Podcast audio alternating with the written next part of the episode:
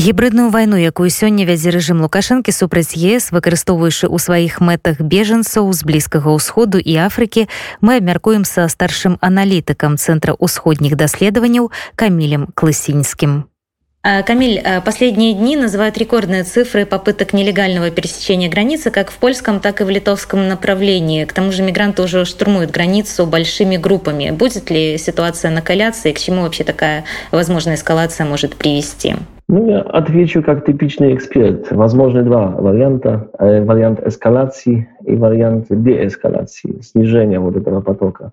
Я придерживаюсь мнения, что в конце концов, скорее или позднее, сложно, конечно, угадать, в какой день, в какую минуту, но белорусские власти придут к выводу, что операция совсем провалена, и что она не дает такую пользу, вообще не дает пользу что Евросоюз не сгибается, что стоит на своей позиции и что не готов к переговорам в таких, мягко говоря, своеобразных условиях. В таких условиях, которые создал официальный Минск, не ведется никаких переговоров с цивилизованным миром. Это переговор с террористом, который использует пистолет, ну, в том числе именно в этом случае мигрантов, бедных людей, но совершенно инструментально их использует цинично и подбрасывает к нам. В таких условиях переговоры невозможны, и тут ничего в позиции Европейского Союза и Польши, и Литвы, и других отдельных стран не поменялось. И в связи с тем я, я не думаю, что белорусские власти э, могут найти какую-нибудь пользу э, от этой своей операции, кроме того, что действительно, ну, например, в Польше можем, можем тоже сказать, что по-польские СМИ, особенно СМИ, которые критично относятся к польским властям, поднимают этот вопрос, поднимают вопрос чрезвычайное положение на восточной границе Польши с Беларусью, поднимают другие вопросы, и что критика и польский внутренний спор, он очень интенсивный на эту тему. Камиль, вы все-таки считаете, что основной целью Лукашенко, который развязал вот эту вот гибридную войну на границе, являлось усадить Брюссель за стол переговоров, так? Он об этом говорил. Если мы воспринимаем это всерьез, то, то, что, то, что говорил Александр Лукашенко на эту тему, его люди, его подчиненные, должны воспринимать главную цель этой операции шлюза, или как, как мы хотим это называть, это не имеет большого значения. Главную цель воспринимаем как переговоры с Евросоюзом по вопросу санкций. И если это воспринимать всерьез, потому что я здесь тоже не очень убежден, что белорусские власти настолько неадекватны, что они действительно рассчитывали на переговоры в таких условиях. Но тоже мы не должны исключать такой вариант, что действительно Минск находится уже в таком отчаянии, настолько оторван от реальности, что действительно рассчитывает на переговоры в таком контексте. Но, конечно, были тоже другие цели, о которых я, я уже сказал, чтобы создать напряженность в приграничных странах Евросоюза, внутренние споры, критику властей и так далее, и так далее. Это частично получилось в Литве раньше, когда Литва была в, в июне, в июле и в августе главной целью, главной мишенью этой миграционной прессе, а сейчас частично, но не совсем получается то тоже в Польше. Каких больших и, и других успехов этой операции я пока не вижу. Ну, смотрите, вы сказали, что цивилизованный мир э, не готов сесть с Лукашенко за стор переговоров, да, ну, а вот недавно Маккей заявлял, что на полях Генассамблеи министр Рау предлагал ему встречу, э, но потом в последний момент эта встреча сорвалась. То есть все-таки какие-то переговоры, какой-то диалог пытаются наладить. Ну, это консультации, межмидовские консультации, попытки узнать позицию другой стороны, но это не переговоры в рамках этого кризиса, это не начало больших переговоров э, по вопросу смягчения санкций Евросоюза в связи с миграционной прессией. Это такая связка, она вообще не воспринимается. И переговоры могут идти, по-моему, лишь, это не только между Польшей и Беларусью, а, а вообще между Евросоюзом и Беларусью, они могут идти только по вопросу освобождения всех политзаключенных в Беларуси, как для начала этих переговоров, а потом уже о подготовке новых президентских выборов в Беларуси. Других тем этих, этих переговоров пока я, я не вижу. Э, поскольку миграционная проблема уже перестала быть проблемой стран-соседей Беларуси, добрались мигранты уже до Финляндии, Эстонии, Германии, стоит ли в ближайшее время ожидать каких-то громких заявлений из Брюсселя по этой теме и каких-то новых решений?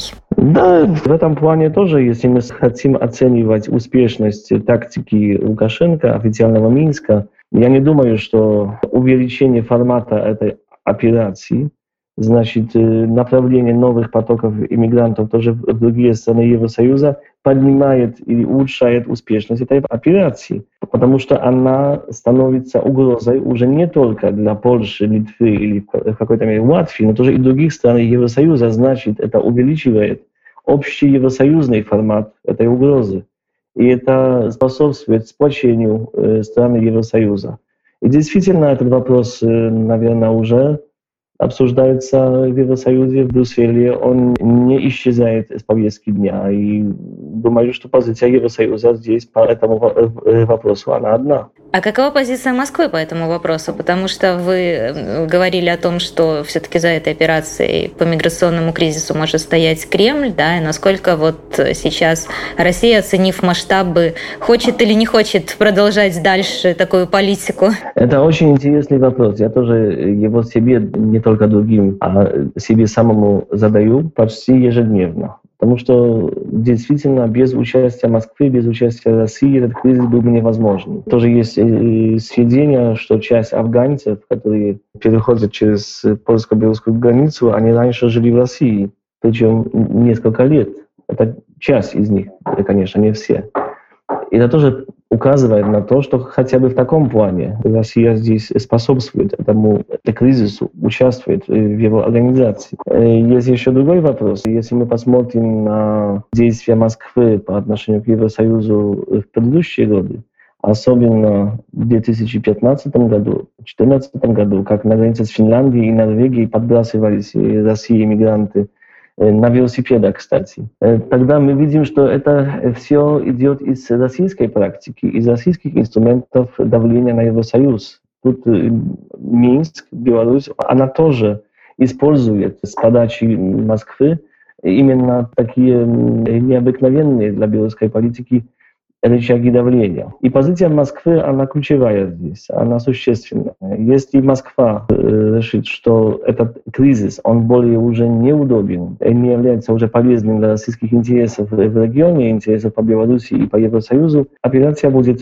сворачиваться. Пока скепсиса со стороны России я не вижу в публичной сфере, в официальной сфере, но, возможно, уже идут какие-то переговоры что делать? С этой операцией дальше, поскольку идет зима, Евросоюз не меняет свою позицию и накапливается, что очень важно, мусульманские группы, группировки, в Беларуси мигранты из мусульманских стран, которые, ну, как сказать, остаются недовольными, что заплатили за услугу и не могут пройти в таком количестве, как бы хотелось, через границу. То есть Беларусь сама себе может создать миграционный кризис? Она уже его создала. И мы видим многие информации про гостиницы, забитые э, мигрантами из мусульманских стран, гостиницы Минска и, возможно, других э, городов Беларуси, областных центров.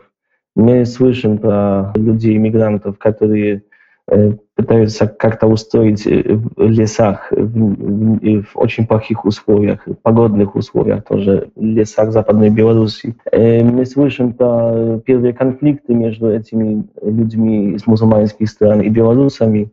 Мы видим, как, насколько они отличаются в культурном плане и, конечно, в языковом, религиозном плане от белорусов. У белорусской администрации, у белорусских спецслужб и, и, и вообще целого госаппарата нет никакого существенного опыта, как обращаться с людьми из мусульманских стран, с мусульманской культуры. Это не Россия. У российских чиновников, у российских служб там, там опыт гораздо побольше.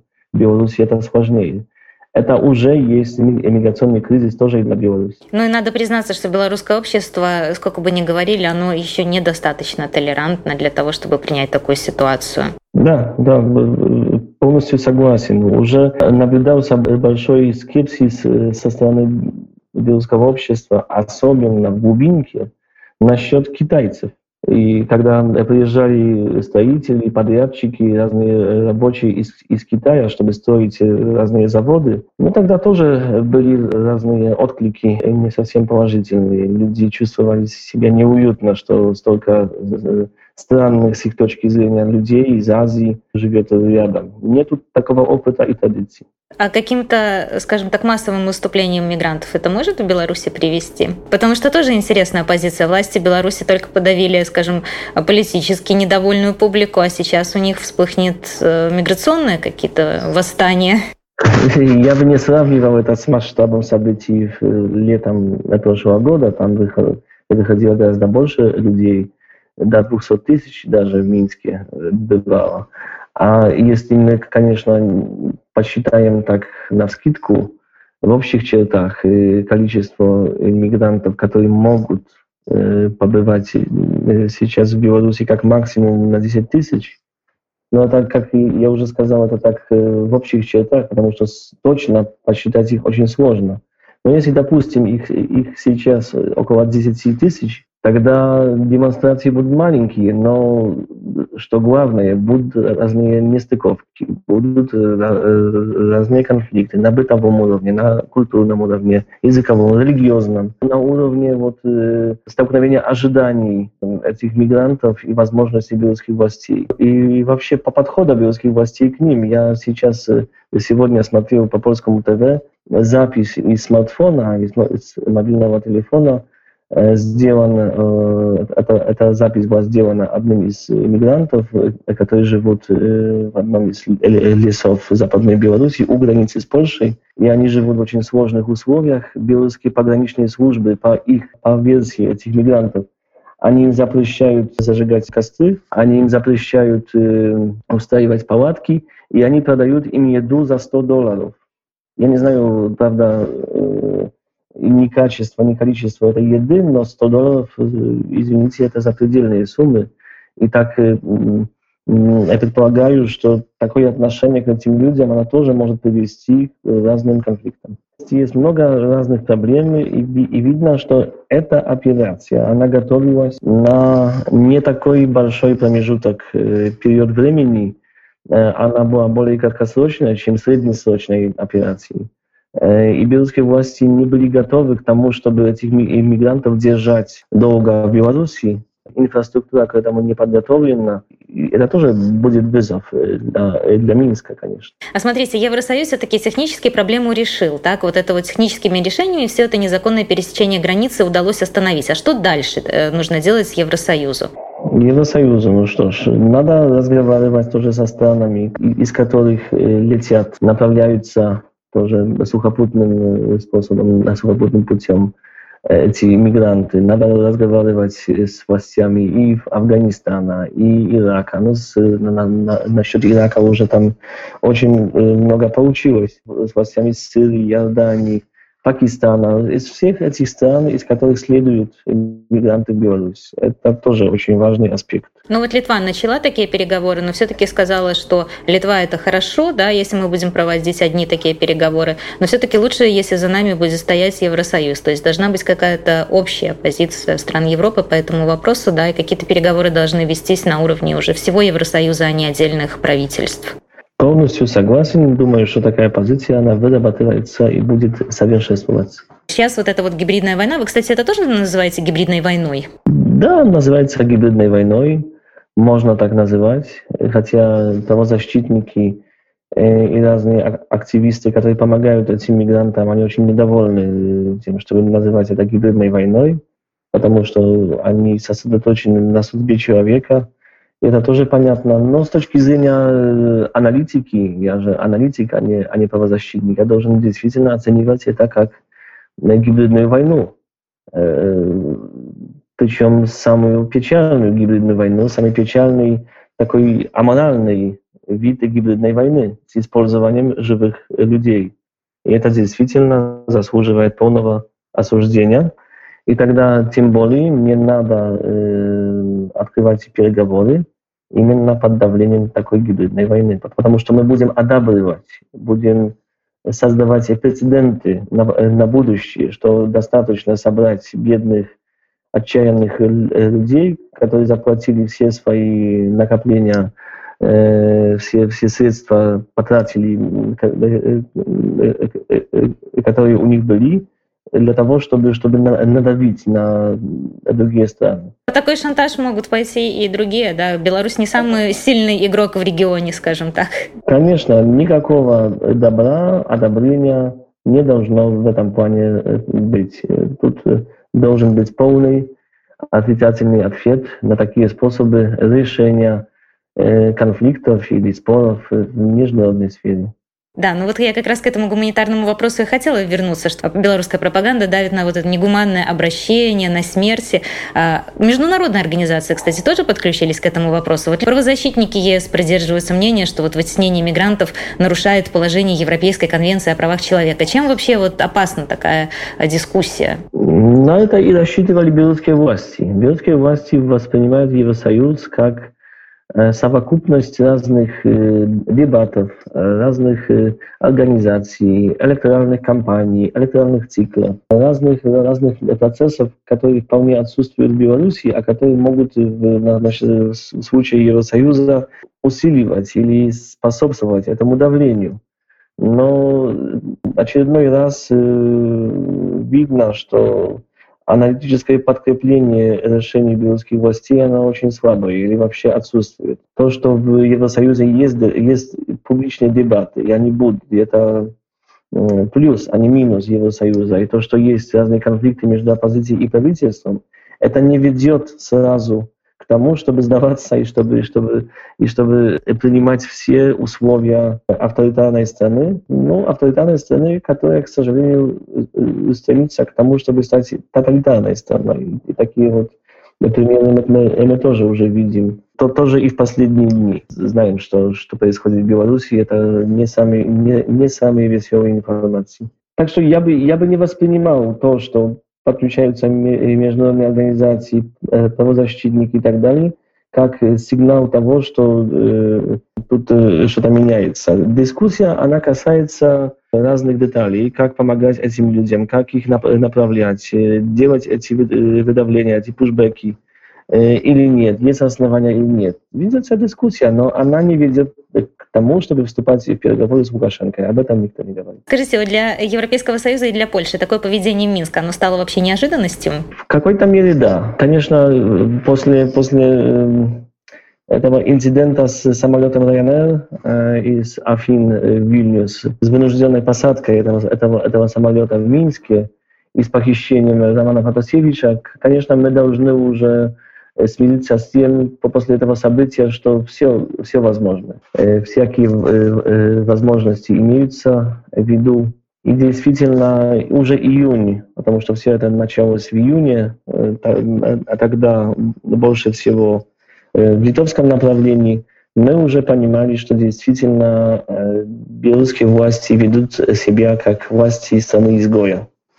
Американский термин придуман давным-давно для стран неевропейских, африканских, азиатских, возможно, южноамериканских. К сожалению, он не прибрался тоже в Европу, именно в Беларуси. Лукашенко уже настолько неадекватный и отчаянный как бы, в своем стремлении удержать власть, что создает проблемы Европе, создает проблемы Беларуси и, возможно, об этом я уже говорил, создает проблемы России. И это тоже надо, и, надо иметь в виду, как долго Россия будет терпеть такого лидера, который совершенно уже неадекватный. Ну вот вы сейчас к вопросам геополитики пришли. Нуланд сейчас в Москве. Будет ли обсуждаться белорусский вопрос и какие последствия могут быть для Минска?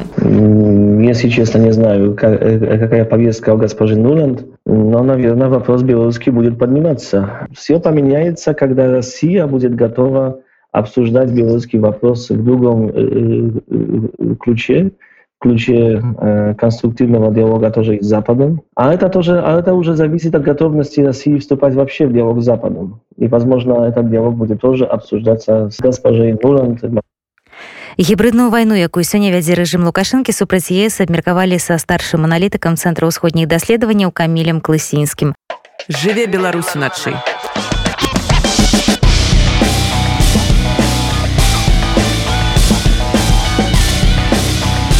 беларускія ноцы